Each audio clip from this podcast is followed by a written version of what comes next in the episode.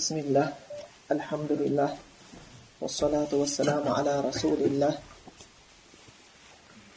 біз енді сол имам науаидің жазған қырық хадисінен төртінші хадисті өтеміз бүгін алла қаласа бұл хадис бірінші мәтінін оқиық одан кейін алла қаласа айтып өтеміз عن أبي عبد الرحمن عبد الله بن مسعود رضي الله عنه дейді абдурахманның әкесі абдулла ибн масудтан алла ол кісіден разы болсын قال ол кісі айтады حدثنا رسول الله صلى الله عليه وسلم وهو الصادق المصدوق бізге пайғам аллахтың елшісі саллаллаху алейhi айтты дейді وهو الصادق المصدوق бұл пайғамбарымызды сипаттап жатыр садиқ деген шындықты айтушы яғни пайғамбарымыз шындықты айтушы мастук оның шындық айтатындығы расталған құран арқылы яғни аллахтан келген хабар арқылы пайғамбарымыз шындық айтатындығы айтылғандығы инна ахадакум юджмау халқуху фи батни уммихи арбаина яуман нутфатан сендердің әрқайсыларың оның жаратылысы анасының құрсағында қырық күн бойы нутфа яғни былай айтқанда тамшы су ретінде жиналады одан кейін ол ұйыған қан болады сондай уақытта одан кейін ол бір кесек ет болады сондай бір уақытта кейін оған бір періште жөнелтіледі оған рухта үрлейді жан салады жаңағы ананың құрсағында дамып жатқан балаға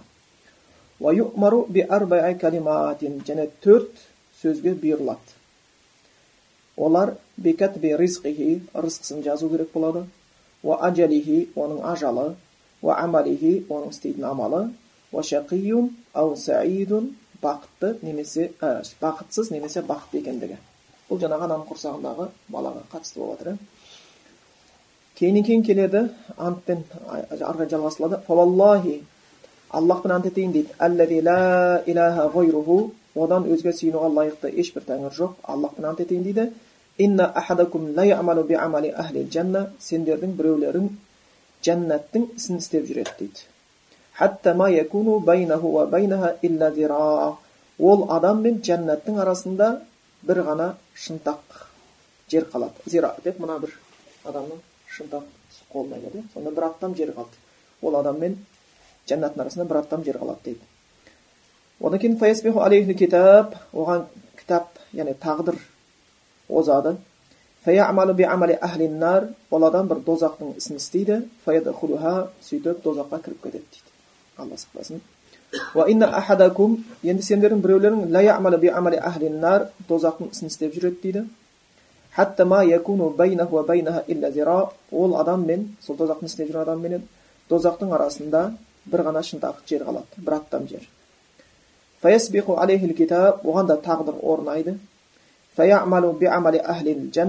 ол жәннаттың ісін істейді сөйтіп жәннатқа кіріп кетеді дейді бұл хадис яғни өте сахих хадистердің қатарына кіреді бұхариде риуаят етілген және бұл муслимде риуаят етілген енді осы хадистің төңірегінде біраз айтып өтеміз алла қаласа аллахтан жәрдем сұрай отырып бірінші хадисті риуаят еткен кісі бұл абдулла ибн масуд атты сахаба бұл кісінің өмірі шынымен де оқыған адамға өте көп ғажайып нәрселерді бізге береді. Бұл кісі пайғамбарымызға иман келтіргендердің ішіндегі алғашқылардан алтыншы адам болып иман келтірген дейді.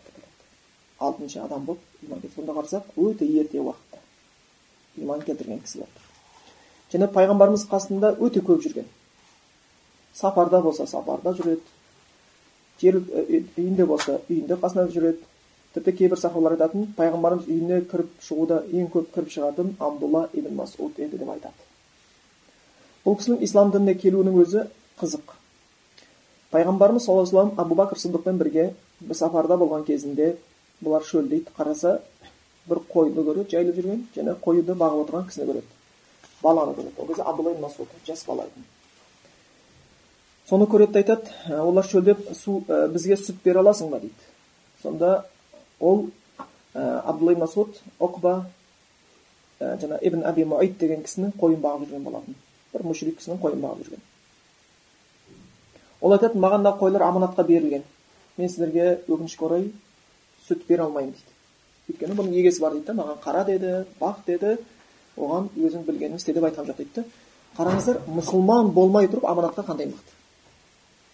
Мұсылман болмай тұрған кезде қой мүшриктікі өзі де әлі ислам дінінде емес және жас бала кей кезде осы ілгергі уақыттардағы кейбір жахил адамдардың аманатқа мықтылығы сөзге тұратындығын көрген кезде қазіргі кезде мұсылманмын деп жүріп екі сөйлеу аманатқа қиянат жасағанды көрген кезде өкініп қаласың негізі өтірік айту ең жаман қасиет сөзде тұрмау ең жаман қасиеттің бірі болып табылады екен бұл кісі қойын бағып жүрген айтады маған бұл аманатқа берілген нәрсе мен сіздерді суара алмаймын дейді сүт беріп былай айтқанда сусындата алмаймын дейді пайғамбар мұхаммед мұстафа саллаллаху алейhi соны айтады бұл қойлардың ішінде сауылмайтын бір қой бар ма дейді қошқар қарамаған желіні жоқ сауылмайтын бір қой бар ма дейді абдул масуд айтады иә бар дейді соны алып келші дейді қарасақ сауылатын қойдікін алса болмайды ғой сауылмайтын қойдан сүт шықпайды бәрі кейін абдулла масуд алып келіп береді ол қойды пайғамбар мұхаммад саллаллаху алейhi ол қойды алады. сосын байлап қояды да аллахтан жаңағы есімін атап оның желін сипайды. Желін сипаған кезде олардың көз алдында кәдімгі сауылмайтын қойдың желіні толып шыға келеді. Бұлар қайран қалады. Ал абу бәкір ол нәрсеге таңқала қоймайтын адам еді. Ал абдулла ибн масуд ол кезде бала кезі бұны көреді да өте таң қалады өйткені абу бәкір сыдық пайғамбарымыздың пайғамбарлығына ол бірден сенген кісі сол үшін сыдық аталған. Ол пайғамбардың ондай бойында мырзалар кесетін ол кісі білетін еді. Одан кейін оның жаңағы сүт пайда болғаннан кейін абу бәкір сыдық бірден түсіне қояды да бір тас іздейді ол кезде ыдыстың аз кезі ғой. Мұқа жаңағы мұқа аратун деп келеді. Тас іші ойық тас. Ыдысқа ұқсаған тас соны іздеп келеді сөйтіп соны алып келеді. Сөйтіп пайғамбар сол тасқа оны сауа бастайды. Толғаннан кейін абу бәкірге береді абу бәкір сыдық ішіп алады кейін абдуллаға береді. Ибн масудқа ол ішіп алады кейін пайғамбар саллаллаху алейhi ол ішіп алады. Бұны мұқият көрген абдулла масуд қайран қалады да пайғамбарға жақындап келіп айтады маған үйретіңізші мына бір сөздерді дейді. Сонда пайғамбарымыз өте бір ұлы сөз айтады. Дейді. Сен уже үйретіліп қойған баласың дейді оны келешегі айтылады. Сен үйретіліп қойған баласың дейді. Саған уже ілім беріліп қойған дейді.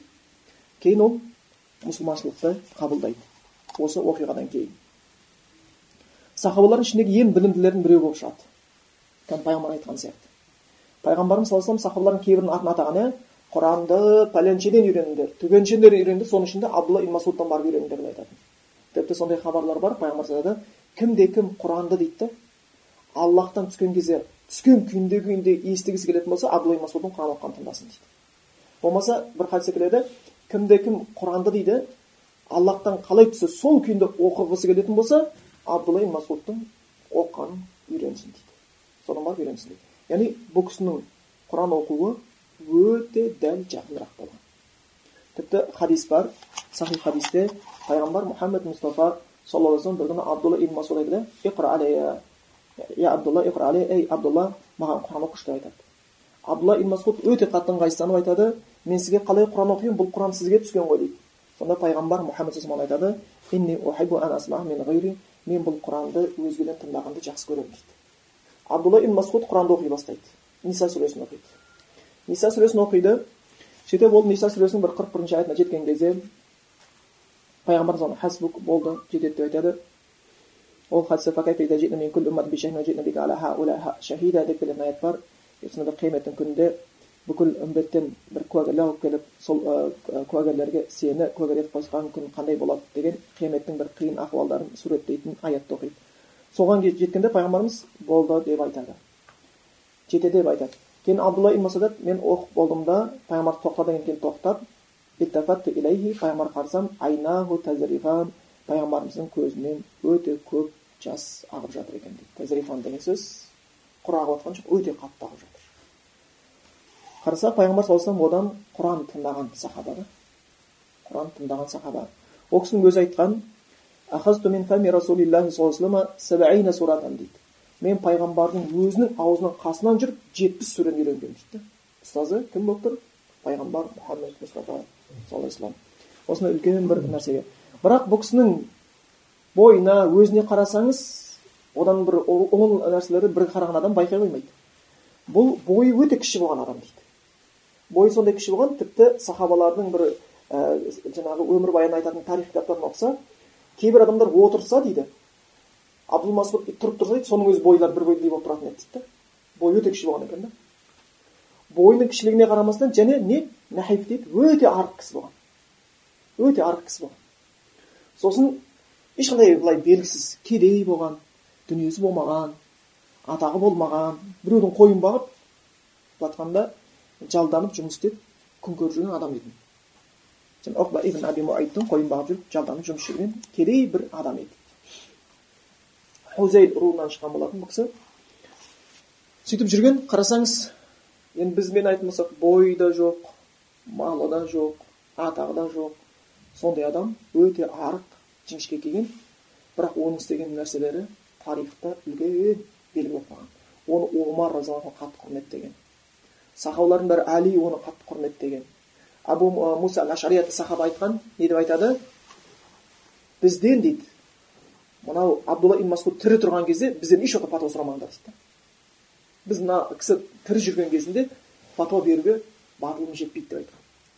Сондай дәрежеде білімге ие болған кісі еді қарасақ алла тағаланың берекеті ол бойға да басқаға да қарамайды екен. Ол ағам жүрегіне қарайды. Және осындай бойымен ол өте батыр болған. Қорықпаған ешнәрседен тіпті келеді. Абдулла масудпен жүрген кезде соған ілесе бермеңдер өлтіріп қояды ол. Көзсіз батыр дейді да. Тіке келе береді болды ештеңеге қарамайтын оның денесі кіші болған кезде кей кезде соғыс кездерінде оны көтеріп дуалдан ары қарай лақтыратын болған. Ол ары қарай өтіп еще шайқасып есікті ашып беретін болған. Сондай дәрежеде өте батыр кісі еді. Бұның арықтығына байланысты тіпті хадис келеді. Бір күні пайғамбар мұхаммед саллаллаху алейhi вассаламға талдан бір шыбық керек болады. Шыбықты алу үшін сахабалар үшін абдулла масуд мен аламын дейді. Өйткені денесі жеңіл талға шыққан адамға денесі жеңіл болу керек және шапшаң. Мен аламын дейді да талға өрімдеп шыға бастайды. Сол кезде оның аяғын сақтап қояды жіліншігі көрініп қалады. Жіліншігі көрініп қалған сахабалардың бәрі қарап қалады да ананың жіліншінің кішкентайлығы соншалықты ойлаңыздар көрген адамдар күліп жіберген. Андай жіңішке аяқты көреміз деп ойламаған да көрген кезде күліп жіберген. Пайғамбар олардың абдулла ибн масудтың былай айтқанда жіліншігінен күліп жатқанын көріп пайғамбар айтады сендер абдулла ибн масудтың сағына былай айтқанда екі жіліншігіне күліп жатсыңдар ма? дейді. Бірақ сендерге айтып қояйын дейді. Осы абдул екі жіліншілігі дейді. Ертең қиямет күні болғанда аллахтың алдында аллахтың таразысында ухуд тауынан ауыр болады деп айтқан. Өйткені таразыға адамның амалы да салынады адамның өзі де салынады. Түсіндіңіздер ғой? Адамның сол үшін мұсылмандар да салмақ болады. Істеген құлшылығына қарай.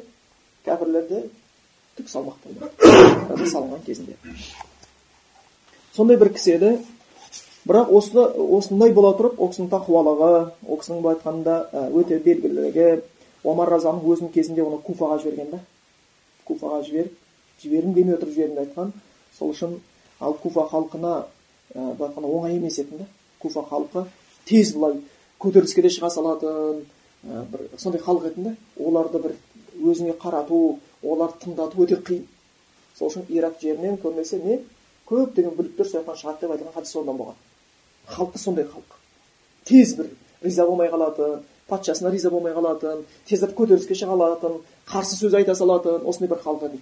Сол жаққа абдулла ибн барған бірақ масуд барған кезде бәрі оны сыйлаған бәрі дерлік оны жақсы көрген сыйлаған кісі болатын сөйткен бұл абдулла ибн масуд қай жағынан болатын болса фих жағынан болатын болса да омар айтатын сөзі бар абдулла ибн масуд тұрған бойы фих дейді тұрған бойы фих толып тұрған ілім деп айтатын болған бұл кісі пайғамбарымыз саллаллаху да бұл сахабаны өте қатты жақсы көретін еді сол үшін жаңағы пайғамбар өзі оған құран тыңдады және құранды сол кісіден үйреніңдер деп айтып кетті кей кезде енді бұлардың өмірін оқыған кезде сахабалардың өмірін оқыған кезде ә, қазіргі кезде де өзім үшін де өкілетін көптеген жерлер болады. Ә, мысалға алқама ибн қайыс атты табиин айтады. Абдулла ибн масуд дейді бізге әрбір бейшембіде кешке жақын насихат жасаушы еді дейді уағыз айтатын дейді. Біздер бәріміз жиналатынбыз дейді. Бір күні барып соның уағызына қатыстым дейді. Ол кісі уағыз айтты да бірақ та сол уағызында бір хадис айтты дейді. Бір ғана хадис естідім дейді сол уағызынан біздер қазір мың хадис айтып жүз хадис айтып бірақтан бір ешқандай әсерсіз өтіп жатады ғой. Қараңыз қандай күйде болған. Уағыз айтты дейді сонда пайғамбар айтты деп бір хадисті айтты дейді. Бір ғана хадис естідім дейді. Сонда мен ол кісі бәрі тесіліп қарап тұрғанбыз дейді. Ол қолында аса таяғы бар еді дейді. Аса таяққа сүйеніп тұрып уағыз айтқан еді дейді. Сонда бір хадисте пайғамбар айтты дейді. Соны айтқан кезде толқыған соншалық дейді. Хадисті айтып бастаған кезде ол кісі өзгерді дейді өз сөзін айтқан кезде бөлек ал пайғамбардың хадисін айтқанда өзгергені соншалық дейді мен қарап тұрдым дейді аса таяқ дірілдеп кетті дейді хадис айту барысында. Бұлар пайғамбардың сөзін сондай құрметтеген аби хурайраның хадис айтқан кезде кішкене демі жетпей қалып деп ентігіп қалатыны бұлар түсінетін не айтып жатқандығын білетін. Сол күйінде. Сонда бұл кісіден жаңа жеткен бір хадис бар екен. Біз жаңа оқып кеткен хадисіміз бұл мәселе негізі көптеген мәселені қамтиды. Соның ішінде тағдыр мәселесі негізгісі жатыр адам жаратылысы адам жаратылысы өте бір таңғалдыратын жаратылысының бірі. Сол үшін қалдырады кім өзін өзі таныса раббысын таниды деп келеді одан кейін бір тағдыр мәселесі айтылады одан кейін күнәдан сақ болу мәселесі де бұл жерде айтылып кетеді екен. Енді соған бір қарап өтейік. Сендердің қарсыларың дейді жаратылысы анасының құрсағында қырық күн нутфа деген бір тамшы су нутфа деген бір кішігірім судың мөлшерін айтады. Міне бәріміз сол кезеңнен өткенбіз. Осы отырған бәріміз қазір қарасақ құлағымыз бар көзіміз бар қолымыз бар. Бірақ кешіріңіз болмашы бір су едік сол үшін кей кезде аллахтың дінімен жүргісі келмейтіндерді аллахтың құранын тыңдағысы келмейтіндерді пайғамбардың сүннетін сүймейтін адамдарды еске салу үшін алла тағала не айтады. Құранда көп жерде ей сендерді біз болмайтын бір судан жараттық қой дейді да болмайтын бір судан жаратқанбыз дейді да болмаса деп келеді ғой. Адам баласы бізге мысал айтқысы келеді дейді өзінің жаратылысын ұмытып қалды дейді да өзінің жаратылысын ұмытып қалды дейді өзінің кім екенін ұмытып қалды дейді сонда шынымен де біздің өзіміздің ар жағындағы негізіміздің өзі болмашы нәрсе. Сондай болмашы нәрседен алла тағала біз осындай көрке келбетке келтірген болып табылады екен. Сол анасының құрсағында қырық күн тамшы су болады дейді алақа деген ұйыған қан одан кейін барып қанға айнала бастайды қазіргі кезде бұл сонау жетінші ғасырда айтылған хадис еді пайғамбарымыздан ғылым кейін келіп ананың бойында жатқан тамшы судың уақыт өте келе қанға айналатынын қанның қай қайсам етке айналатынын қай кезде ет пайда болатынын қай кезде тамырлар пайда болатынын қай кезде жүрек соғатынын деген сияқты қай кезде бас көз ажырай бастайтынын осының бәрін тапты. Бірақ сол тапқанның бәрі құран аятында келген нәрсемен пайғамбар жеткен хадистермен сәйкес болған кезде ішінде дінді қабылдағандар да болды. Дінді қабылдағандар болды. Бірақ енді соқыр адамға бәрібір ол күйінде соқыр болып кете береді екен. Енді біз ә, сол айтады сендердің әрқайсыларың аналарыңның құрсағында біз анамыздың құрсағында дамығанбыз. Бір тамшы су едік. Одан кейін тура сондай уақытта бір ұйыған қанға айналасыңдар дейді кейін барып мудға деген негізі кесек ет деп аударып жатырмыз енді тікелей аударсақ шайналған зат негізі мудға деген сағызды алып шайнап ауыз тістеріңе басып шығарсаңыздар бір кескін болады тісіңіз баршы тістелген зат деген сияқты мағына береді да қарасаңыздар эмбрион болған кезде тура соған ұқсайды көріңіздерші ананың құрсағындағы сәби енді етке айнала бастаған кезінде ол бір сопақтау көрсеңіздер иә былай доға тәріздес болып келеді и біреу тістеп қойған сияқты көптеген белгілер болады биологиядан анатомиядан бәріміз өткен шығармыз білесіздер иә бұл сөздің кездейсоқ емес мудға деп аталуы тістелген затты алақа деген сөздің алақа деп аталуы бекер емес өйткені алақа деп мысалға арабтарда бірнеше нәрсеге айтылады алақа мысалы ілініп тұрған зат алақа деп сүлікті атады сүлікті білесіздер ғой иә суда болады малдар су ішкен кезде мұрындары тұмсығына өтіп жаңағы ісік болмаса бізде мына медицинада пиявка дей ма орысша соны денеге салып қан сорғызады ғой толғаннан кейін түсіп қалады соратын зат алақа деген алақа қарасаңыз ол ұйыған қан деген мағына беріп тұр алақа деген ол сорат сүлгиттен сорат алақа деген ілініп тұрған зат өйткені осы кезде тамшы судан не болады иван қандай болған кезде ол ананың жатырында ілініп тұрады дейді салдырап және ол уже сора бастайды түсіндіңіздер ма сол кезде сору процесі басталады өсу керек уже қоректену керек ананың жатырынан қоректене бастайды кәдімгідей одан кейін мудға деп атап жатыр қарасаңыздар енді ол кезде эмбрион хромосома цитология деген терминдер қолданылмайды ғой дұрыс па бірақ қарапайым сөздер қолданылған аудармасына дәлме дәл келсеңіз таң қалдырады мұғаммед жиналған затты айтады бір кесек етке болдыңдар дейді сондай уақытта оған одан кейін періште жіберді аллахтың періштелері көп әрқайсысының қызметтері бар иә соның ішінде және бір періште бар екен ол періштенің қызметі құрсағында пайда болып жатқан сәбиге жан беру жан беру болып келеді екен рух оған жан үрлейді рух ол енді аллахқа мәлім дүние ол жайында біз өте көп нәрсе білмейміз білетініміз адам денесіне рух салынған кезде тірі болады рух шығып кеткен кезде өлеміз қазір мына денемізден жан шығып кетсінші үш күннен кейін бір бірімізді танымай қаламыз жан шыққан мезетте шіри бастаймыз саси бастаймыз дымға жарамаймыз ал енді осы жан салу процесін қазір енді дүние ғалымдары осы құдайды мойындамайтын ғалымдар өзі жанды мойындап жатыр бірақ түсіндірме бере алмайды бар берген түсіндірмелері вне сферы науки деп қояды да болды. Қанша нәрселер бар түсіндірме бере алмайды олар. Вне сферы науки деп қояды. Міне сол келіп жан үрлейді. Құранда айтады рух олар сенен рух жайында жан жайында сұрайды. Айт ол рух аллахтың әмірінен. Сендерге берген ілім өте аз рух жайында. Яғни біз рух жайында көп нәрсені зерттеп бәрі біте алмаймыз ол туралы көп нәрсені зерттеп біте алмайтын нәрсе екен бірақ бұл рух аллахтан келеді екен періште келіп оны үрлейді екен сол кезде ананың құрсағында пайда болып жатқан сәбиде жан бітіп қимыл әрекет басталады жүрек соғыла бастайды кішкентай баланың бойында қан циркуляциясы басталады ешкім ештеңе деп жатқан жоқ қан циркуляциясы барып жүре бастайды міне осы жәннурлет одан кейін төрт нәрсеге бұйырылады дейді қазақтар пешенесіне жазады дейді ғой пешенеңе жазғанды көресің деп қояды тағдырды айтады оны кейбір неге сүйенгенін айтады ғой сәбидің дейді маңдайына жазылады дейді бірақ ол әлсіз хабарлар біздегі пешенеңе жазылады деген содан қалып кеткен болса жазылады деп келеді төрт нәрсеге жазылуы бұйырылады дейді біріншісі рызқысы жазылады біз ананың құрсағында жатқан кезде біздің уже ырысқымыз жазып қойған не ішеміз не жейміз. Қазақ болып жылқының етін жеп жүрген болатын болсаң саған сол жазылған. Сол жылқының етін жеу орыс болып борщ жүрген болатын болса сол саған жазылған. Альхамдулилля болып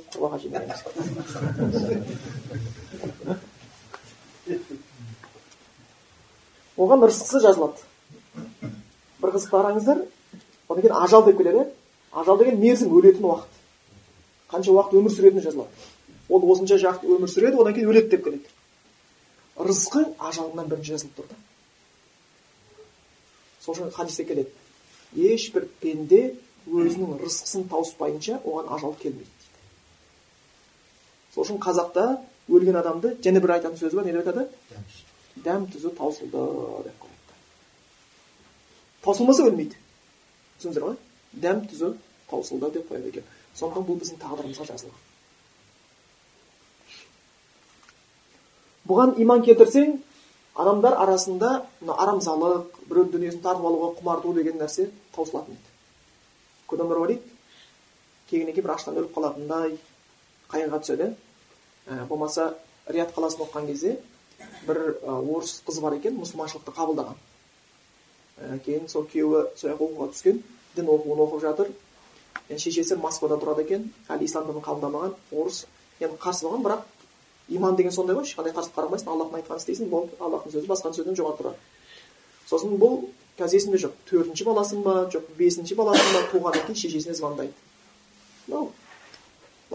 Хвала аллаху я ради аллах все нормально деп звондайды ғой шешесіне. Шешесі бір профессор бірдеңе екен. Содан шешесі ұрысады. Вообще мұсылмандар дейді да надан дейді дендерің дұрыс па бесінші бала қалай асырайсың сен оны дейді. Сен білесің ба ғалымдар зерттеген жер бетінің природаның ресурстары адамның жер бетінде ол бес ақ миллион адамға жетті деген қазір алты миллионнан асып кетті. Уже бәрі математика иман жоқ та түсіндіңіздер ма өліп жатқан жоқ қой ешкім баласы. Олар өліп жатқан және соған байланысты аллахқа иман келтірген мұсылмандардың ішінде кедейін көресің. Бірақ биш болғанды көрмейсің. Биш болып кеткен мұсылманды көрмейсің. Сол үшін мұсылман еместердің арасында уже бөшкеге аралап кәдімгі ит құсап пакет ақтарып жүретін адамдар да пайда болады. Өйткені мұсылманшылық ол сені кез келген қиындықтан алып шығады. Біз бұған дейін айтқанбыз мұсылман баласында сынақ болуы мүмкін бірақ ұтылу деген нәрсе болмайды. Проблема болады мұсылманда бірақ проигрыш жоқ. Рызқысы жазылады адамға. Одан кейін оның ажалы жазылады. Қанша уақыт өмір сүреді? Сол кезде жазылып қойған. Пәленше қырық жыл өмір сүреді. Пәленше он күн өмір сүреді. Пәленше жетпіске келетін өмір сүреді. Ол енді аллах біледі біз білмейміз. Бұл тағдыр мәселелер тағдыр бұл аллахтың қалауындағы нәрселер. Жазылып отырады. Амалихи істейтін амал жазылады. Қандай амал істейтін? дүниеде одан кейін төртіншісі шақиюн бақытсыз ау немесе саидун бақыт дегендей жазылады. Бақыт бір бақытсыздық пен бақыт деген не нәрсе? Егер өміріңнің соңы дозаққа түсетіндей болып кетсе осы бақытсыздық деп осылай түсіндіңдер ғой? Бақыт дегеніміз өміріңнің соңы жәннатқа кіретін болып кетсе бақыт деп соны айтады. Бақыт пен бақытсыздық ойлағандай жақсы көрген қызына үйлене алмай қалыпты үйі өртеніп кетіпті екі көз көрмей қалыпты жұмыстан шығарып жіберіпті айлық қысқарып қалыпты пенсия алмайтын болыпты деген нәрселер емес. Олар емес. Бақыт деген ол бөлек нәрсе. Сол үшін иман иман иман кімде болса бақыт сода дейді иман кімде болса бақыт сода. Оның осы бақытты бақытсыз екендігі жазылады дейді осы кезде. Сол үшін ананың құрсағында баланың дамып жатқан процесінің уже үлкен процесс. Біз дүниеге келгеннен кейін ойлана бастаймыз оны сол кезден ойлану керек та адам ата мен хауа анамыз жер бетіне түскеннен кейін хауа анамыз алғаш рет аяғы ауыр болған кезде олар дұға қыла бастады ғой аллахқа дұрыс па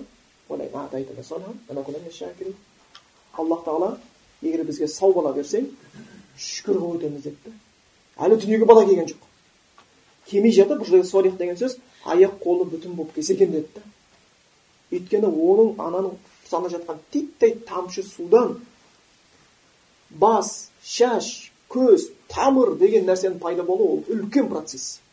Ешкім ештеңе істей алмайды. Түсіндіңіздер ғой? Оның басы иығының төбесінен шығып қолы екі жағынан шығып аяғы жамбасынан тарап болатын ол аллахтың қалауымен. Әйтпесе аяғы басынан шығып қолы басқа жақтан шығып жатқан болатын болса оны кім кім қайтара алады нәрсе сол үшін шынымен де осындай аяқ кәдімгі салихалы аяқ қолы сау денесі бүтін бала берсең шүкірлік қыламыз деген да сол кезден уже шүкірлік қыла керек аяғы ауыр анаға аллахты көп зікір еткен жақсы көп шүкір еткен жақсы көп дұға қылған жақсы ол баласына және әкесіне де аллахтан дұға қылған жақсы дүниеге сәби келгенше оның салихалы сау болып тууына туатын күні ғана уайымдап емес кейін бұны айтылған екен хадистің жалғасында келеді. Аллахпен ант етіледі. Одан өзге сүйенуге лайықты ешбір тәңір жоқ бұған аллахпен ант етейін дейді. Сендердің біреулерің жәннаттың ісін істеп жүреді дейді. Ол адамдар қандай болады? Яғни өмірінің соңына дейін сөз ғой. Бір ақ аттан өлетін сәтке дейін ол жәннаттың ісін істеп жүреді сөйтіп жүрген кезде тағдыр орын алады burada кітап тағдыр айтып жатыр адам тағдыры елу аспан жер жаратылмастан бұрын елу мың жыл бұрын жазылып тағдыр орын дозақтың ісін істейді да дозаққа кіріп кетеді дейді бұл хадис талайды жылатқан иманы дұрыс адамдарды иманы бұрыс адамдарды одан сайын адастырған тағдыр мәселесінде тағдыр мәселесінде мұсылмандар үш топқа бөлінді білесіздер иә үш топқа бөлініп кеткендер болды жабария қадария және әхлі иман келтірген жабария деген тағдырды айтты бүкіл нәрсе аллахтың қолында адамға ешқандай ерік берілмеген біз робот сияқтымыз тұрды істеп тұрамыз отырып отырамыз намаз оқимыз оқымай оқымаймыз намаз оқымай жүрсе құдай бізді оқытпай қойды намаз оқып жүрсе құдай оны оқытып қойған деген ұғымды көрдім қадария дегендер болды олар айтады жоқ аллах бізді жаратты ары қарай тіршілігімізге араласпайды білмейді біздің не істеп ертең не қоятынымызды біз жаратқанды біледі құдай тағала бірақ ертең не істейтінімізді білмейді бүкіл намаз оқып жатса оқымаса бәрін біз өзіміз істеп жатырмыз құдайдың қатысы жоқ деген не болды бұлар қадария алла бүкіл тағдыр аллахтың іліміменен жаратуыменен жазуыменен болады тағдыр қалауымен болады адамға бірақ қандай да ерік берілген дейді түсіндіңіздер ғой қандай да мөлшерде ерік берілген және таңдау берілген таңдау берілген сол үшін біз сұраққа алынамыз сол үшін құран түсіп жатыр сол үшін пайғамбар келіп жатыр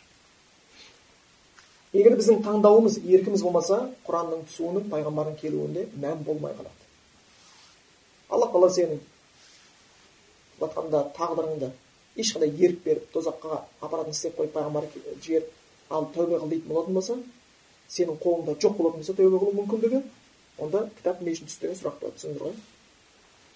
Бірақ тағдыр мәселесі аллахтың сыры. Аллахтың ілімі бұл аллахқа жеңіл дейді. Аллахтың ілімі шексіз біздің іліміміз шектеулі. Біз көп нәрсені білмейміз. Біз өте көп нәрсені білмейміз. Сол үшін ілім алудың өзі жолдары болады иә кейбір ғалымдар айтады ілім алғанда алғаш ілім оқи бастаған кезде алғаш хадис құранды оқи бастаған кезде адамда тәкаппарлық пайда бола бастайды дейді да өзіне көрсетіп қалғысы келеді. Біреудің кемшілігін тапқысы келіп тұрады. Отырып алады да анау пәленше мына түгенше деп талдағысы келіп тұрады дейді. Сосын екінші істеп я тапқа өткен кезде кішіпейілдік пайда бастайды дейді да кішірейіп ой мына кісі құран жаттап алған десе жоқ енді деп жаттап алған бірақтан да енді ол деп кішірейіп отырады да. Субханалла мына кісіні бізге шейхтар айтады араб тілін осыдан жақсы сөйлейтін ешкім жоқ ей қойшы деген екінші процесс ілім қона бастаудың екінші этапы жоғарыда айтады кішіпейілдік үшінші этап мә мен тым білмейді екенмін ғой деген нәрсе өзің білмейтініңді білген кезде саған ілім қона бастайды да өйткені көп нәрсе бар біздің білімімізден тысқары сол үшін біз аллахтың дініне ұстаймыз өзіміздің нәпсімізге еретін болсақ адасып кетейін деп тұрмыз. түсіндіңіздер ғой? Аллахтың істе дегенін істеп тыйыл дегеннен тыйыламыз аллах бәрін білген үшін. Ол өмір бойы бір адам болады жәннаттың ісін істеп жүреді дейді. Бірақ өмірінің соңына қалған кезде былай айтқанда ол адам менен жәннаттың арасында бір аттам жер қалған кезде тағдыр орналады да тозақтың ісін істеп тозаққа кіріп кетеді дейді. Тура сол сияқты бір адам болады өмір бойы тозақтың ісін істеп жүреді. Ол адам мен тозақтың арасында бір аттам жер қалған кезде тағдыр орнайды да жәннаттың ісін деп жәннатқа кіріп кетеді дейді енді осы жерге бір тоқталып өтейік шынымен де қарасақ ә, біз білмейміз ә, біз тек қана адамның сыртқы істеріне қарап баға береміз кейбір ғалымдар айтады ол адамның дейді өлер кезінде дозақтың ісін істеп кету себептерінің кейбір себептері бар дейді кейбір себептері бар дейді ол адамның ішкі дүниесінің таза болмауына байланысты. Болмаса кейбір күнәға тәубе қылмағандығына байланысты. Мысалға мұнафиқ адам біз үшін мұсылман. Түсіндіңіздер ме біз үшін мұсылман. Бірақ аллахтың алдында ол кәпір. Және оған берілетін жаза жай кәпірлерге берілетін жазадан ауыр болады. Тозақтың ең төменінде болады дейді. Тозаққа төмен деген сайын жаза ауыр деген сөз. Бұған осы тағдыр мәселесінде ол кәпір деген мағынада береді тек қана кәпір деген ұғым бермейді дейді мысалы бір адам мүмкін өмір бойы мұсылман болып өлер кезде кәпір болып кететін адамдар болады және бұл қауіптісі ақыр заманға қарай көбейеді түсіндіңіздер ғой ақыр заманға қарай көбейеді мысалы қарайтын болсақ аллах тағала құранда айтады ألم يأن للذين آمنوا أن تخشع قلوبهم لذكر الله وما نزل الحق ولا يكون كالذين أوتوا الكتاب من قبل فطال عليهم أمد فقست قلوبهم аллах айтады құдайға иман келтіргендерге аллахты зікір қылған кезде жүректері қорқатын уақыт келген жоқ па? Жүректері бойұсынатын уақыт келген жоқ па дейді да яғни шын мұсылман аллахтың аты аталған кезде пайғамбар хадис айтқан кезде ол қарап отырмайды. Бір өлең тыңдап отырған сияқты концертте отырған сияқты отырмайды. Ол біледі ол аллахтың сөзі. Ол біледі пайғамбардың сөзі. Жаңа абдулла масуд осы хадис айтқан пайғамбар хадис айтқан кезде қолында тұрған аса таяғы дірілдеп кетті дейді да өйткені ол сезіп жатыр да кімнің сөзін айтып жатқанын. Сезіп тұр. Енді аллах айтады құранда құдайға иман келтіргендердің дейді. Аллах зікір етілген кезде жүректер қорқатын уақыт келген жоқ па? Құраннан қорқатын уақыт келген жоқ па? Құранға бойұсынып оның ақиқаттығын сезетін уақыт келген жоқ дейді. Кейін аллах ілгері кітап егелері сияқты болып жүргендер кімдер? Христиандар мен яхудилер. Не болып оларға? Олар иман келтірген. Иман келтірген кезде имандары күшті болды дейді. Бірақ уақыт өте бастап жайлап жайлап дауласып өйтіп бүйтіп не қылып имандары әлсіреп әлсіреп әлсіреп әлсіреп әлсіреп басында алла десе жүрек дір ете қалатын жүрек селк етпейді уже шариғатпен анекдот айтатын болды абу бәкір сыдық айтатын бар ғой абу бәкір сыдық айтады өзі иман жай уақыт өткен сайын көп зікір қылмасаң көп тәубе қылмасаң кешірім сұрап тұрмасаң не қылады тот баса бастайды иман абу бәкір сыдық айтады бір күні бір пайғамбар қасына тұр еді дейді жаңадан мұсылманшылықты қабылдаған бір ә, тайпаның адамдары пайғамбарға келді дейді олар пайғамбарды көріп көздеріне жас толып кетті дейді пайғамбармен амандасып қалса дейді. Енді өздері ұстай алмай еңірейді дейді да. Біз сырттан қарап қызық тұрмыз дейді да. Пайғамбарға қарап көздерінен жас төгіліп жатыр дейді. Ол сөйлескендеріне емес пайғамбарды көргендеріне емес. Сондай болып тұр дейді. Соны абу бәкір сырттан қарап тұрып кеше біз де алғаш иман келтіріп иманымыз күшті кезде біз де осындай болушы едік деп айттық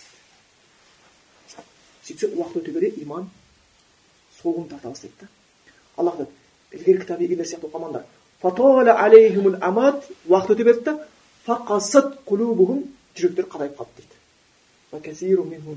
көбісі фасық болып кетті дейді көбісі фасық болып кетті дейді алла сақтасын мысалы жахм ибн сауфан қарасаң мұсылман болған жүрді жүрді бірақтан оның ұнатқан нәрсесі дауласқанды ұнататын да басында анау ә, нелер ә, индиядан келген ә, жаңағыдай өзі сол өзге ширк жасайтын мушриктермен дауласты басқалармен дауласты. Сөйтіп соларға дауласамын деп құран ақыреттен гөрі сондай даула, дауласуды қандай жақсы көре бастады да.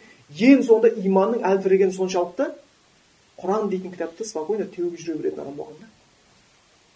Құран оқып отырады да мұса пайғамбардың қиссасы бір жерге болса үзіліп қалады. Сондай үзіліп қалатын болса туй мынаны шаршатты ғой мына кітап не біле біресе до конца айтпайды мына тоқтап қал мынаны тоқтап қал деп жерге бір ақ ұрып аяғынан теуіп кеткен дейді. Уақыт өте бере адам білмей қалады. Адам өзі білмей қалады ондай нәрсе алла сақтасын одан сол үшін христиан егерлер не болған уақыт өтті да жүректері қатайып қалды дейді болып кетті дейді малик ибн динар атты ғалым айтады ол кісі не дейді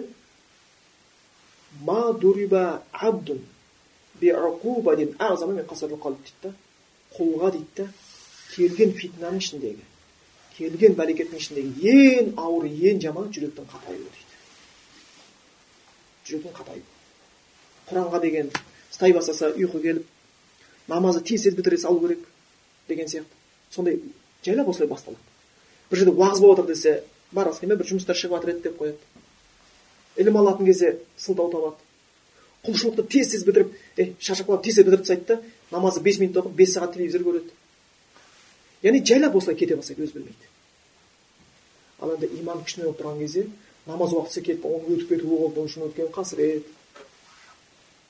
таң намаздан ұйықтап қалған сәлафтардың ішінде не дегендер болған жылап тұратындар болған да қорқып намаз уақыты өтіп кетті деп емес мә бір күнә істеп қойған жоқпын ба құдайдың алдында тұруға лайықсыз болып қалды дейді да аллах мені қаламай қалды ма лайықсыз болып қалдым ба деп айтады сол үшін ғалымдардың біреу намаз оқымайтын болатын болса намазды тастап кет деп айтпаңдар намаз оны тастады деп айтыңдар дейді.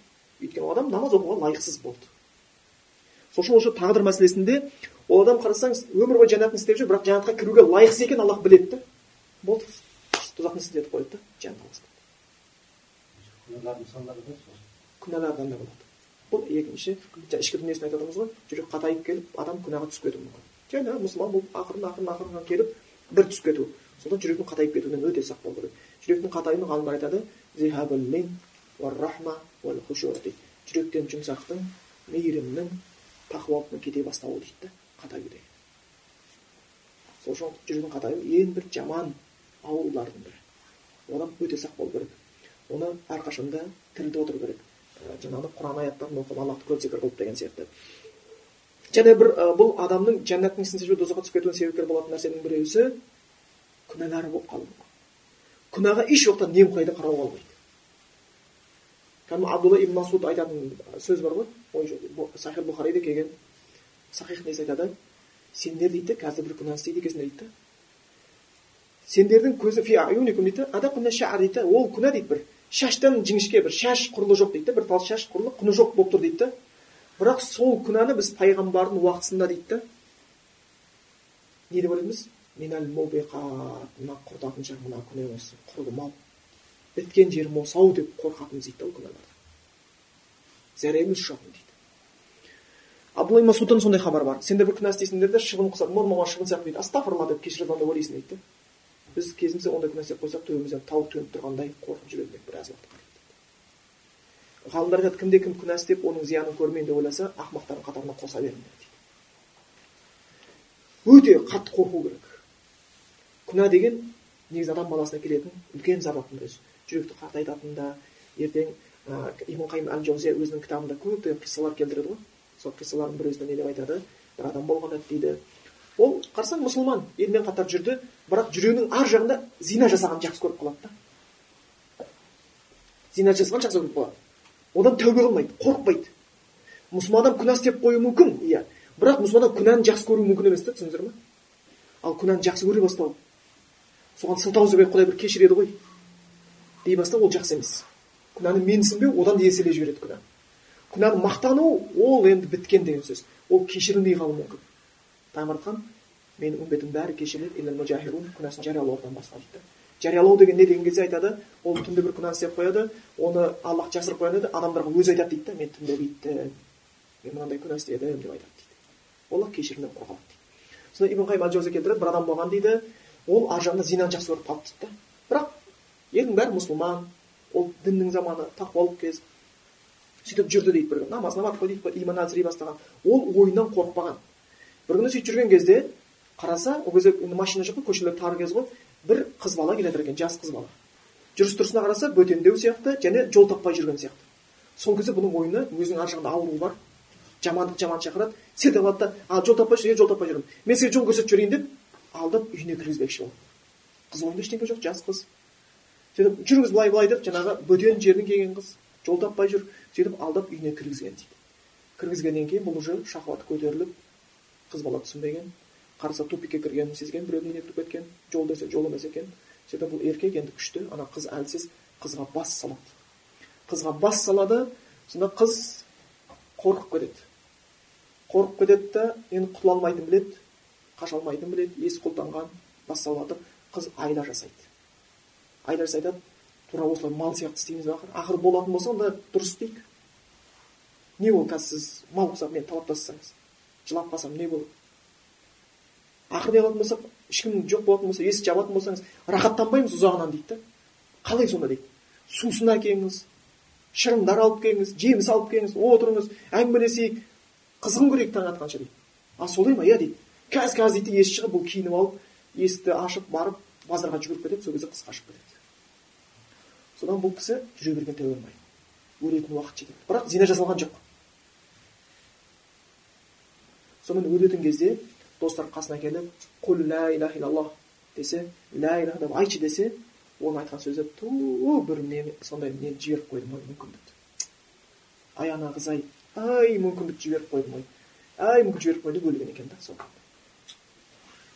Тәубе болмаған күнәлар өлетін кезде мына келіп тіреліп қала беруі мүмкін да зиян береді сол үшін ешқандай күнәға менсінбеушілікпенен қарауға болмайды екен әрқашанда тәубе қылып әрқашанда ізгілікке ұмтылып күнәдан барынша алыс болуға тырысу мұсылманның бір міндеттерінен болып сол сияқты кей бір адамдар болады сыртқысы күнә басқа болады ішкі дүниесі таза болады бірақ та ішкі дүниесі дұрыс болады кейін аллах тағала оған тәубе нәсіп етеді ол дінге келеді мысалға білесіздер иә абу суфиян алғашқы кезде исламның дұшпаны болды қолына қылыш алып сахабалардың қан төгуге дайын болды пайғамбарды өлтіруді армандады қанша ақшасын дінге қарсы жұмсады бірақ өмірінің соңында мұсылманшылыққа келіпті өмірінің соңында мұсылманшылыққа келіп қандай үлкен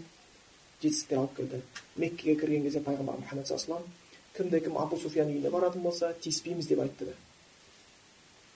Абу суфиян үйіне барса абу суфиян ирактың алдында пайғамбар туралы сұрақ қойған кезде өтірік айтқан жоқ. Дұшпаны бірақ өтірік айтпайды да субханалла қараңызшы. Жеп көріп тұрған. Қазір мұсылман мұсылманды әйтеуір жамандай салады құрту үшін. Кейін бұл сол жақсы сипаттары ішкі дүниесі лайықты болған екен аллах тағала. Оны дінге кетіріп қойған біз білмейміз әркімнің жүрегінде қандай нәрсе бар сол үшін ең басты аллах айтады ғой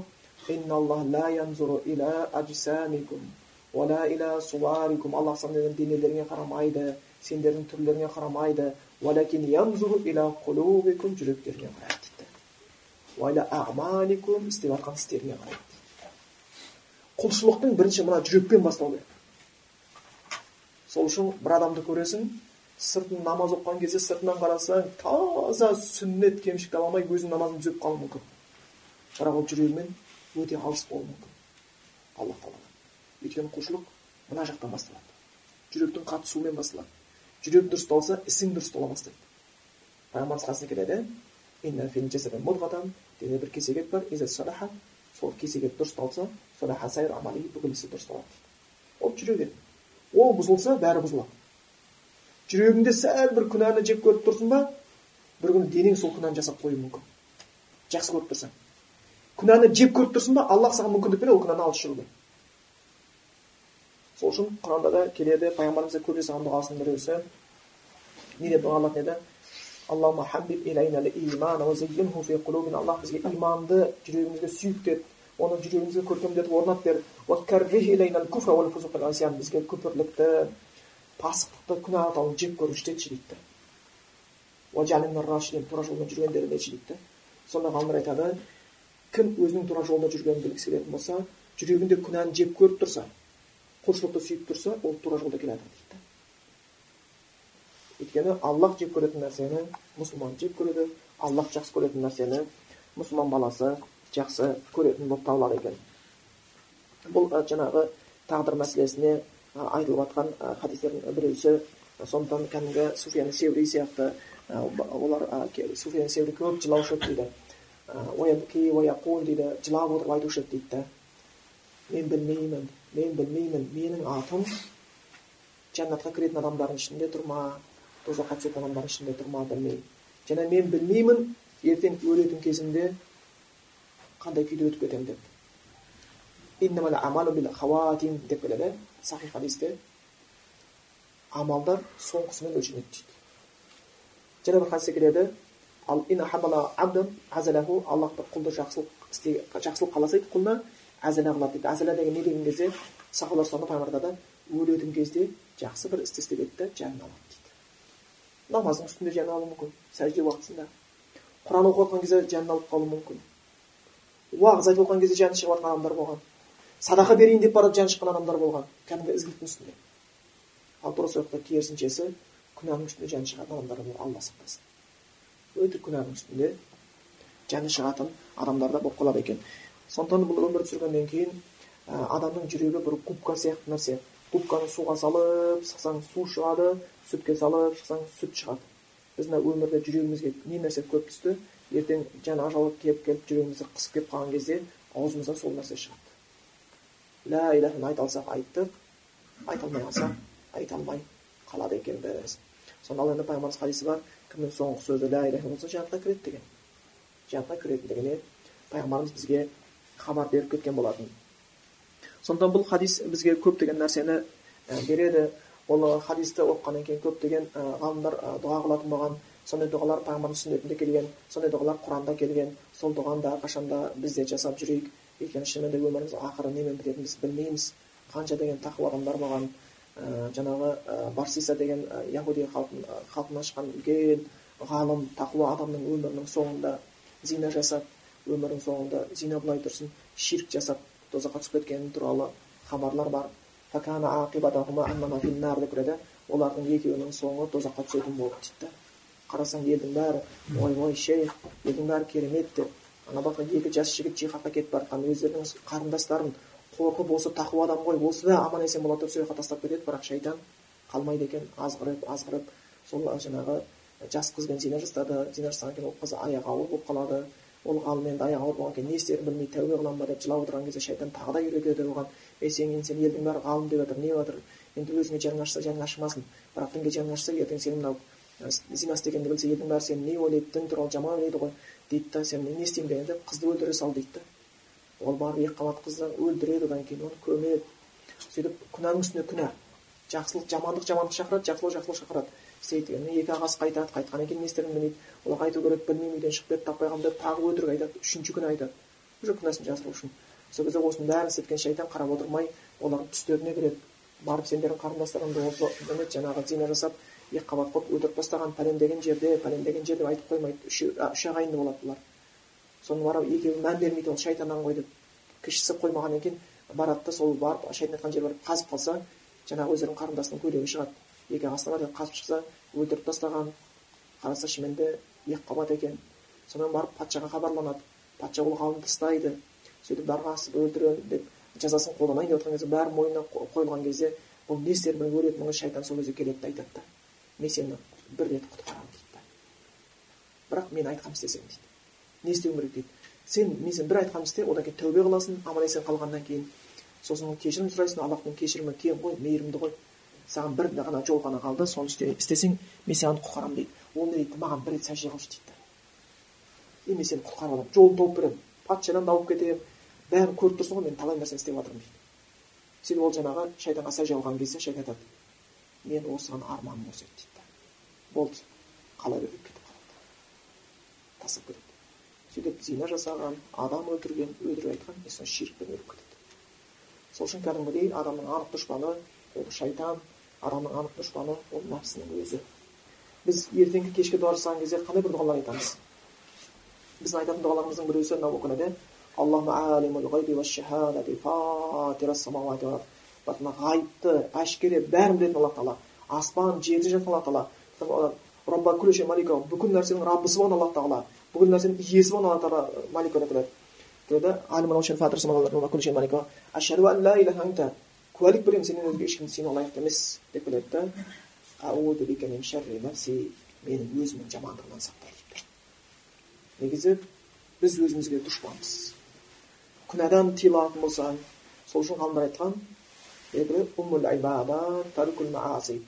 құлшылықтың анасы дейді күнәні тастай білуде дейді күнәні тастай білуде деп келеді екен және де бізге құранда аллах үйреткен дұғаның біреусі не деп келеді يا مقلب القلوب ربنا لا تزغ قلوبنا بعد إذ هديتنا وهب لنا من لدنك رحمة إنك أنت الوهاب يا الله تعالى бізді тура жолға салғаннан кейін жүрегімізді тура жолдан айныта көрмеші сен берушісің деп бізге әл аймаран сүресінде келеді осы дұға айтылған жиі сол дұғаны жиі жасау керек тура жолға салғаннан кейін жүрегіміз айнып кетпесінші жүрегіміз айнып кетпесінші деп отыру керек өйткені пайғамбар жеткен хадис айтады адамдардың бәрінің жүрегі аллах тағаланың мейірімді саусақтардың екі саусағының арасында қалағандығын өзгертеді дейді айша анамыздан жеткен хабарда келеді пайғамбар мұхаммед мұстафа саллаллаху алейhi дейді бір күні ол кісінің кезегі болған түннің ортасы свет жоқ ештеңке жоқ түннің ортасы дейді қарасам орнымнан тұрсам дейді пайғамбар қасымда жоқ жаңағы іздей бастадым дейді қолыменен сөйтіп іздеген кезде қарасам аяғым қолым аяғына тиді ол кісінің сәжде жатқанын сездім дейді да сөйтіп жайлап ояна бастасам ол кісі тәхажүд оқып жатыр екен. И тәхажүдті сәжде дұға қылып жатыр екен. Дұғасында жасап жатқан дұғасы пайғамбарымыз ей аллах жүректі өзгертуші аллах тағала менің жүрегімді дініңде бекем етіп қойшы деп дұға жасап жатыр екен тәхажүд уақытысында. Сол үшін шынымен де біз білмейміз өміріміздің соңы немен аяқталатынын қандай іспен аяқталатынын құлшылықтың үстінде кетіп қаламыз ба жоқ күнәнің үстінде кетіп қаламыз ба алла сақтасын аллахтан әрқашанда сұрауымыз керек дінде бекем болуды кәдімгі біздің пайғамбарымыз сұраған сияқты дұғалар үйреткен сияқты құранда келген дұғалар сияқты осы дұғаларды жиі айтып жүру біздер мен сіздерге керекті болады екен енді бұл тағдыр адамға жазылып қойған кімнің тозаққа түсетінін кімнің жаққа кіретінін алла тағала әлбетте біледі аллахқа ешқандай белгісіз нәрсе жоқ бүкіл нәрсені ілім аллах бүкіл нәрсені қамтып отыр пайғамбар мұхаммед мұстафа саллаллаху алейhi бір күні сахабалармен болған кезде бір кісіні жерге көміп жатқан кезде пайғамбарымыз хабарлайды оларға алла тағала сендердің әрқайсының тозақтағы қандай тозақтағы орнын қайсының ә, жәннатта орны бар екенін біледі дейді. Сонда бір сахаба айтады е аллахтың елшісі егер біздің тағдырымыз жазылып қойған болатын болса тозаққа түсетін адам белгілі болса жәннатқа түсетін адам белгілі болатын болса не үшін амал істеп жатырмыз дейді. Белгілі ғой дейді да тозаққа түсетін белгілі жәннатқа кіретін. Белгілі онда неге амал істеп жатырмыз дейді. Пайғамбар айтады амал тастаңдар пайғамбар айтады амалдарын жасаңдар тастамаңдар кім не үшін жаратылған болса сол адамға сол сол нәрсенің ісі жеңіл болып тұрады тозаққа түсетін адамға тозақтың ісі жеңіл болады жәннатқа кіретін адамға жәннаттың ісі жеңіл болады дейді жәннаттың ісі жеңіл болып тұрады дейді сол үшін шынымен де аллахқа сансыз мақтау болсын ауызбен құран оқытып құлағымызбен хадис тыңдатып денемізбен намаз оқып жатқанына и өмірімізден өтіп кеткен осы нәрсені істеуімізді нәсіп етсін аллахтың берген сол бұл жерде қарасаңыздар екі үлкен мәселе айтылып жатыр иә. Бірінші адамның жаратылысы. Қандай процесстен өтті тамшы су еді ұйыған қан болды одан ет болды одан сүйек пайда болады. Өзі мумин сүресінде біз адам баласын топырақтың астынан жараттық оны біз жаңағы анасының құрсағында бір бекем жерде не тамшы су деп ойлайды. Кейін екеуміз ол мені кесек ет қыламыз деген сияқты оны кейін сүйек сүйектің ет қаптаймыз одан кейін оның жартысын өзгертіп оған жан саламыз деген сияқты соның бәрін аллах тағала айтып отырады қарасақ мына хадисте біздің көркем жаратылысымыз айтылды тамшы судан қан болдық қаннан ет болды еттен сүйек тері берді көз бас жан берілді өмірге адам болып келдік қарасақ біз алла тағала құранда айтқан адамды өте көркем келбетте жараттым көркем күйде жаратылған адам көркем сөзді сөйлеу үшін жаратылған. Көркем істі істеу үшін жаратылған. Егер оны істемесе ол өзін төменнен төменіне түсіріп жібереді. Төменнен түсіріп жібереді. Осындай көркем күйде жаратылғаннан кейін көркем тірліктерге ұмтылу керек. Егер ол жаңа көркем тірлікке ұмтылмаса оның ақыры тозақпен аяқталып кетуі әбден ықтимал екен.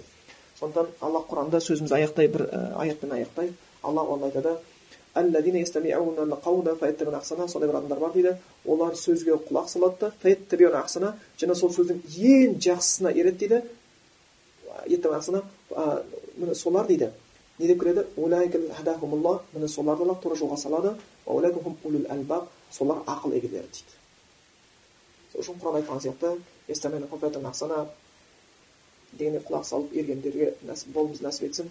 Сөздің ең жақсы аллахтың сөзі жолдың ең жақсысы пайғамбар мұхаммад саллаллаху жолы және аллахтан әрқашанда сұраймыз. Шынымен де аллах тағала біздің жүрегімізде құранға деген құрмет нәсіп етсін.